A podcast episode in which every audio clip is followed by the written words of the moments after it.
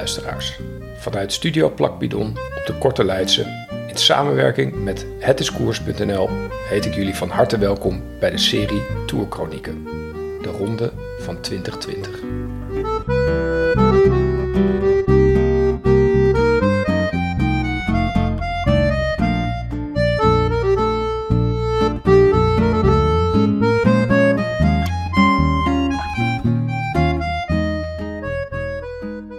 Nipte verlies van Kees Bol in de vijfde etappe, waarin de overwinning naar een Belg ging, wordt de zesde etappe er eentje voor een man die in zijn uppie de eer van team en land moet hooghouden.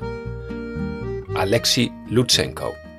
In Kazachstan hoogstwaarschijnlijk liefkozend Lulu genoemd, heeft als enige geboren en getogen Kazachstaan de loodzware taak om zijn ploegbaas Alexandre Vinokourov een blij man te maken. Vinokurov out of the saddle now. He's blindsided his opponent and he's away. Alexander Vinokurov. Has he pinched a winning break? Unbelievable. Uran didn't look as though he was uh, concentrating, and Alexander Vinokurov is going to go and take the gold medal here at the Olympic Games. Fantastic, fantastic. It's a good uh, finished uh, race for my career. I think it's, phew, it's first medal for Kazakhstan team today. We opened the Olympics and unbelievable. Nadat hij al op tactische wijze wat onnodige minuten heeft verloren in de handvol openingsritten, krijgen hij en zeven medevluchters de ruimte om voor ritwinst te gaan. Een groep sterke namen, met onder meer Olympisch kampioen Greg Goldenboy van Avermaat, Nielsen Paulus van IF en de altijd taaie Nicholas Roach. Uiteindelijk zal de tijdelijke vrede in de kopgroep tot een abrupt einde komen als Paulus demareert op de slotklim naar de Mont Aigual.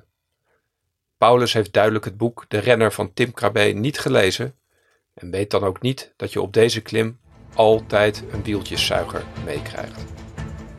Oh, Nelson Powers, again he attacks. Attacks hard, ramps this one up now. Lutsenko immediately goes with him.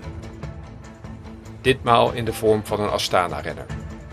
Alexei Lutsenko heeft maanden in isolement in Kazachstan op een home trainer en met een rugtas vol boeken de trappen in zijn appartementengebouw op en afgelopen, omdat hij door de lockdown buiten niet mocht trainen. Dat werpt nu zijn vruchten af.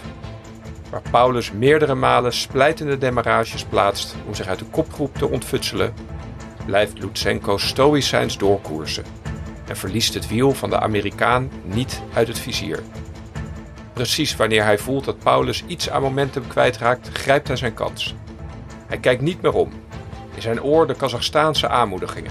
Lutsenko comes round the corner. The 27-year-old rider from Kazakhstan has enjoyed a breakaway with companions and then he does it right. Solo to the top of the Montegual.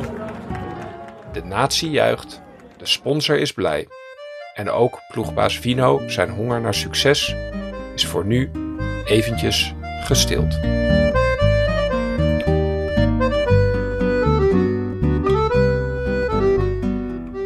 En zo belanden we aan bij etappe 7. Gegrift. Een vlakke rit van Milo naar Laveur over 168 kilometer. Als ik nu niets doe, kun je misschien nog wel lopen. Maar topsport zit er niet meer in. Al dus een Belgische arts. 19 juli 2019 staat voor eeuwig in zijn geheugen en in zijn rechterheup gegrift. Het feit dat hij nu alweer kon acteren op het hoogste podium mocht een klein wonder genoemd worden. Zijn gedachten waren een warboel op dat fatale moment. Dat moment waarop het snikhete asfalt in Po zijn lichaam leek te verbranden. En waarop hij zich nog heel even niet bewust was van die gapende wond die het dranghek langs de kant van de weg zojuist in zijn heup had gemaakt. Die aanblik zou hij nooit vergeten. Roepend om hulp, afgedekt door het spandoek wat om dat vervloekte dranghek erheen had gehangen. Hij wist meteen dat het erg was. En dat in zijn eerste tour.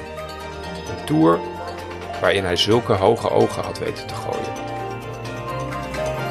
Het is 7 uur. Dit is het journaal met Martien Tange. Goedenavond. Veel emotie in de Tour vandaag. Wout van Aert, een van de favorieten voor de zege in de individuele tijdrit, is zwaar ten val gekomen en heeft de ronde moeten verlaten. Daar een val voor van Aert is niet waar. Dit is niet waar. Helemaal aan het slot. En uh, komt daar niet meer onmiddellijk van de grond af. Dus uh, daar die bocht, een van de allerlaatste bochten die je moet inschatten. Woeps, oh, daar nog even tegen die Leclerc-hek is aangereden. En dan neer, neer, weg, droom. En uh, gaat erbij liggen. Oh, Laten we oh, hopen dat hij hier niks aan over had. Maar dat was toen. En nu is nu. Hij had al wat appjes uitgewisseld gisteravond. En vanmorgen werd zowel op de telefoon als in de media, als tijdens de teambespreking, het magische woord in het wielrennen uitgesproken. Crosswinds, zijwind. En dus kans op echelon, waaiers. Zelfs een hart van steen zal een sprongetje maken bij het horen van deze woorden. Soms loos alarm, vaak een storm in een glas water, maar als alles samenvalt, als alle elementen hun steentje bijdragen aan de perfecte omstandigheden, dan is het smullen geblazen. Dan zullen er slachtoffers vallen. De koers verandert van een saaie, vlakke rit in een soort intense bergetappe, waarbij je op magische wijze in het spoor van je voorganger kan blijven fietsen. Maar één moment van onachtzaamheid en er is niets of niemand meer die je kan helpen. Je bent verloren. Jij weet het, je lichaam weet het, en de van jou wegbewegende groep, waar jij zojuist nog deel van uitmaakte, is jou al lang en breed vergeten. Kansloos spartel je in niemands land, en moederziel alleen begint de paniek zich meester van je te maken. Je hebt geen tijd om achterom te kijken, maar je weet dat achter jou een hele berg lotgenoten druk bezig is om een tweede loserwaaier te vormen, met het doel om niet te veel tijd te verliezen op de eerste waaier. Na de voorbije dagen is het afwachten wie vandaag het initiatief gaat nemen. In de beginfase van de etappe zitten genoeg venijnige heuvels en beklimmingen om het leven van de snelle sprinters zuur te maken. En waar Wout niet mee zou doen in de strijd om het groen, gold dat uiteraard niet voor de mannen van Sagan. Want Sagan wilde op zijn Sagans de trui pakken, door in precies dit soort etappes te laten zien dat hij de beste klimmer is van alle speurters. Bora are causing carnage. This is brutal. En dus komt er geen ontsnapping op gang, maar vormt er zich bijzonder snel een bus. Een bus waarin de plaatsen in no time gevuld worden met bijna alle rappe mannen uit deze tour. De tussensprint ligt na 58 kilometer. En naast Sagan doet enkel Matteo Trentin een duit in het zakje en weet de sprint zelfs te grijpen hetgeen hem op een vermaning van Peter de Grote komt te staan. Hetgeen Trentin wijselijk negeert. Wout kan al die beklimmingen uitstekend verteren. Hij wist wel dat hij een grote motor had en natuurlijk ook wel dat hij een berg op kon fietsen. Maar de echte bevestiging was gekomen in 2019, na een turbulent voorjaar waarin randzaken met zijn vorige ploeg hem het plezier van het fietsen leken te ontnemen. Uiteindelijk kreeg hij toch groen licht om definitief de overstap naar Team Jumbo te maken. Hij begon gelijk met een trainingsstage van 2,5 week op de flanken van de tijden op Tenerife. Het gelukkige gevoel als het vliegtuig is geland en ze zeggen: Welkom op Tenerife. De zon schijnt en de temperatuur is 25 graden. Hij was hier nog niet eerder geweest om te trainen, maar kende de verhalen over Bradley Wiggins, die hier in compleet isolement in het hoogstgelegen hotel Parador de basis had gelegd voor zijn tourzege uit 2012. De tijden heeft goed onderhouden, nagenoeg autovrije wegen. Je slaapt er op 2100 meter hoogte en je kan er zonder probleem meer dan 20 kilometer aan één stuk klimmen, tot 2400 meter hoogte. Hier legde hij de basis voor een mooie Dauphiné Libéré en een nog mooiere Tour de France, als we het onfortuinlijke incident met het dranghek niet meetellen. Terug naar vandaag. Na de heuvelzone komen de laatste vlakke 80 kilometer van deze etappe. Bora heeft zijn werk gedaan en zij zelf, tezamen met een aantal andere ploegen, beginnen zich voorin te mengen, hetgeen zich meteen uitbetaalt. Gekletter, gescheld en piepende schijfremmen verraden een valpartij in het midden van het overgebleven peloton. Landa, en nog wat andere mannen liggen op de grond. We take a final turn and after that there will likely be crosswinds. Oké, waaieralarm, focus. Ineos zet zichzelf direct met hun absolute hardrijders, aangevoerd door Kwiatkowski en Castroviejo op kop en begint genadeloos hard door te trekken. Het is koers. Nu moeten ze hun pak dicht bij elkaar houden. Nadenken is er niet meer bij. Het is fietsen op de limiet en niet eens meer op gevoel. Op de oortjes worden ze als een druppelend infuus continu van plukjes informatie voorzien. The race is now going to split, and there are going to be more riders who suddenly thought that everything was okay, who are going to be left behind. Pogacar, Port and Landa are among the day's losers as they got caught on the wrong side of the split. The reduced group of GC favourites and sprinter punchers hurtling to the line. Ze zitten in de voorste waaier. Hierin zitten de sterkste en meest alerte mannen van het vlakke en daartussen rijden er tijdens de Tour ook nog een paar verstopte, sluwe, kleinere klimmers, die hopelijk voor hen geflankeerd worden door een bonkige bodyguard. Oeran met zijn Bettiol, Roglic met zijn Tony Martin en Bernal met zijn Kwiatkowski. En met nog drie kilometer te gaan komt het verlossende woord vanuit de ploeg. Hij mocht. Wat was er elke dag weer veel te doen omtrent het wel of niet voor zichzelf mogen rijden. Natuurlijk wilde hij ook voor eigen kansen gaan.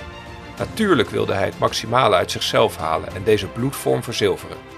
Maar hij weet als geen ander waar hij volmondig ja tegen heeft gezegd. Deel uitmaken van een van de allerbeste ploegen ter wereld. Deel uitmaken van een team wat groot durft te denken. Genoeg ploegen in de World Tour zijn volledig om één kopman heen gebouwd. Daar had hij niet voor gekozen. Die groene trui, die kwam nog wel een keer. Ze moesten in België nog maar even geduld hebben.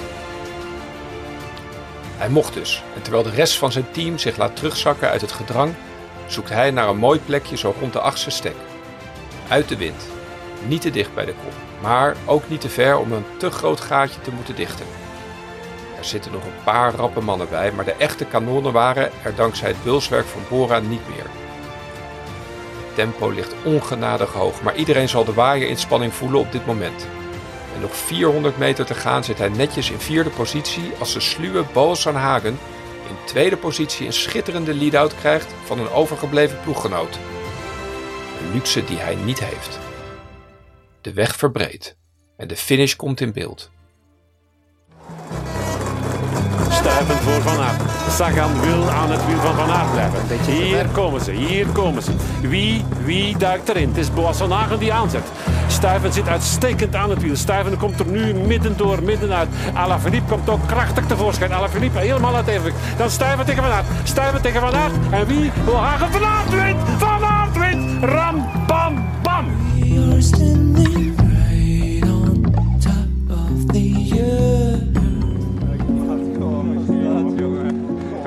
proud of this one. It was uh, straight from the gun. It was all out actually. Uh, I have to say, impressive uh, stage from uh, Bora Hansgrohe. Uh, afterwards, it was always hectic. Everybody feared the crosswinds, and uh, in the final, we saw it was uh, was worth it to put a lot of energy in the position. So yeah, good day.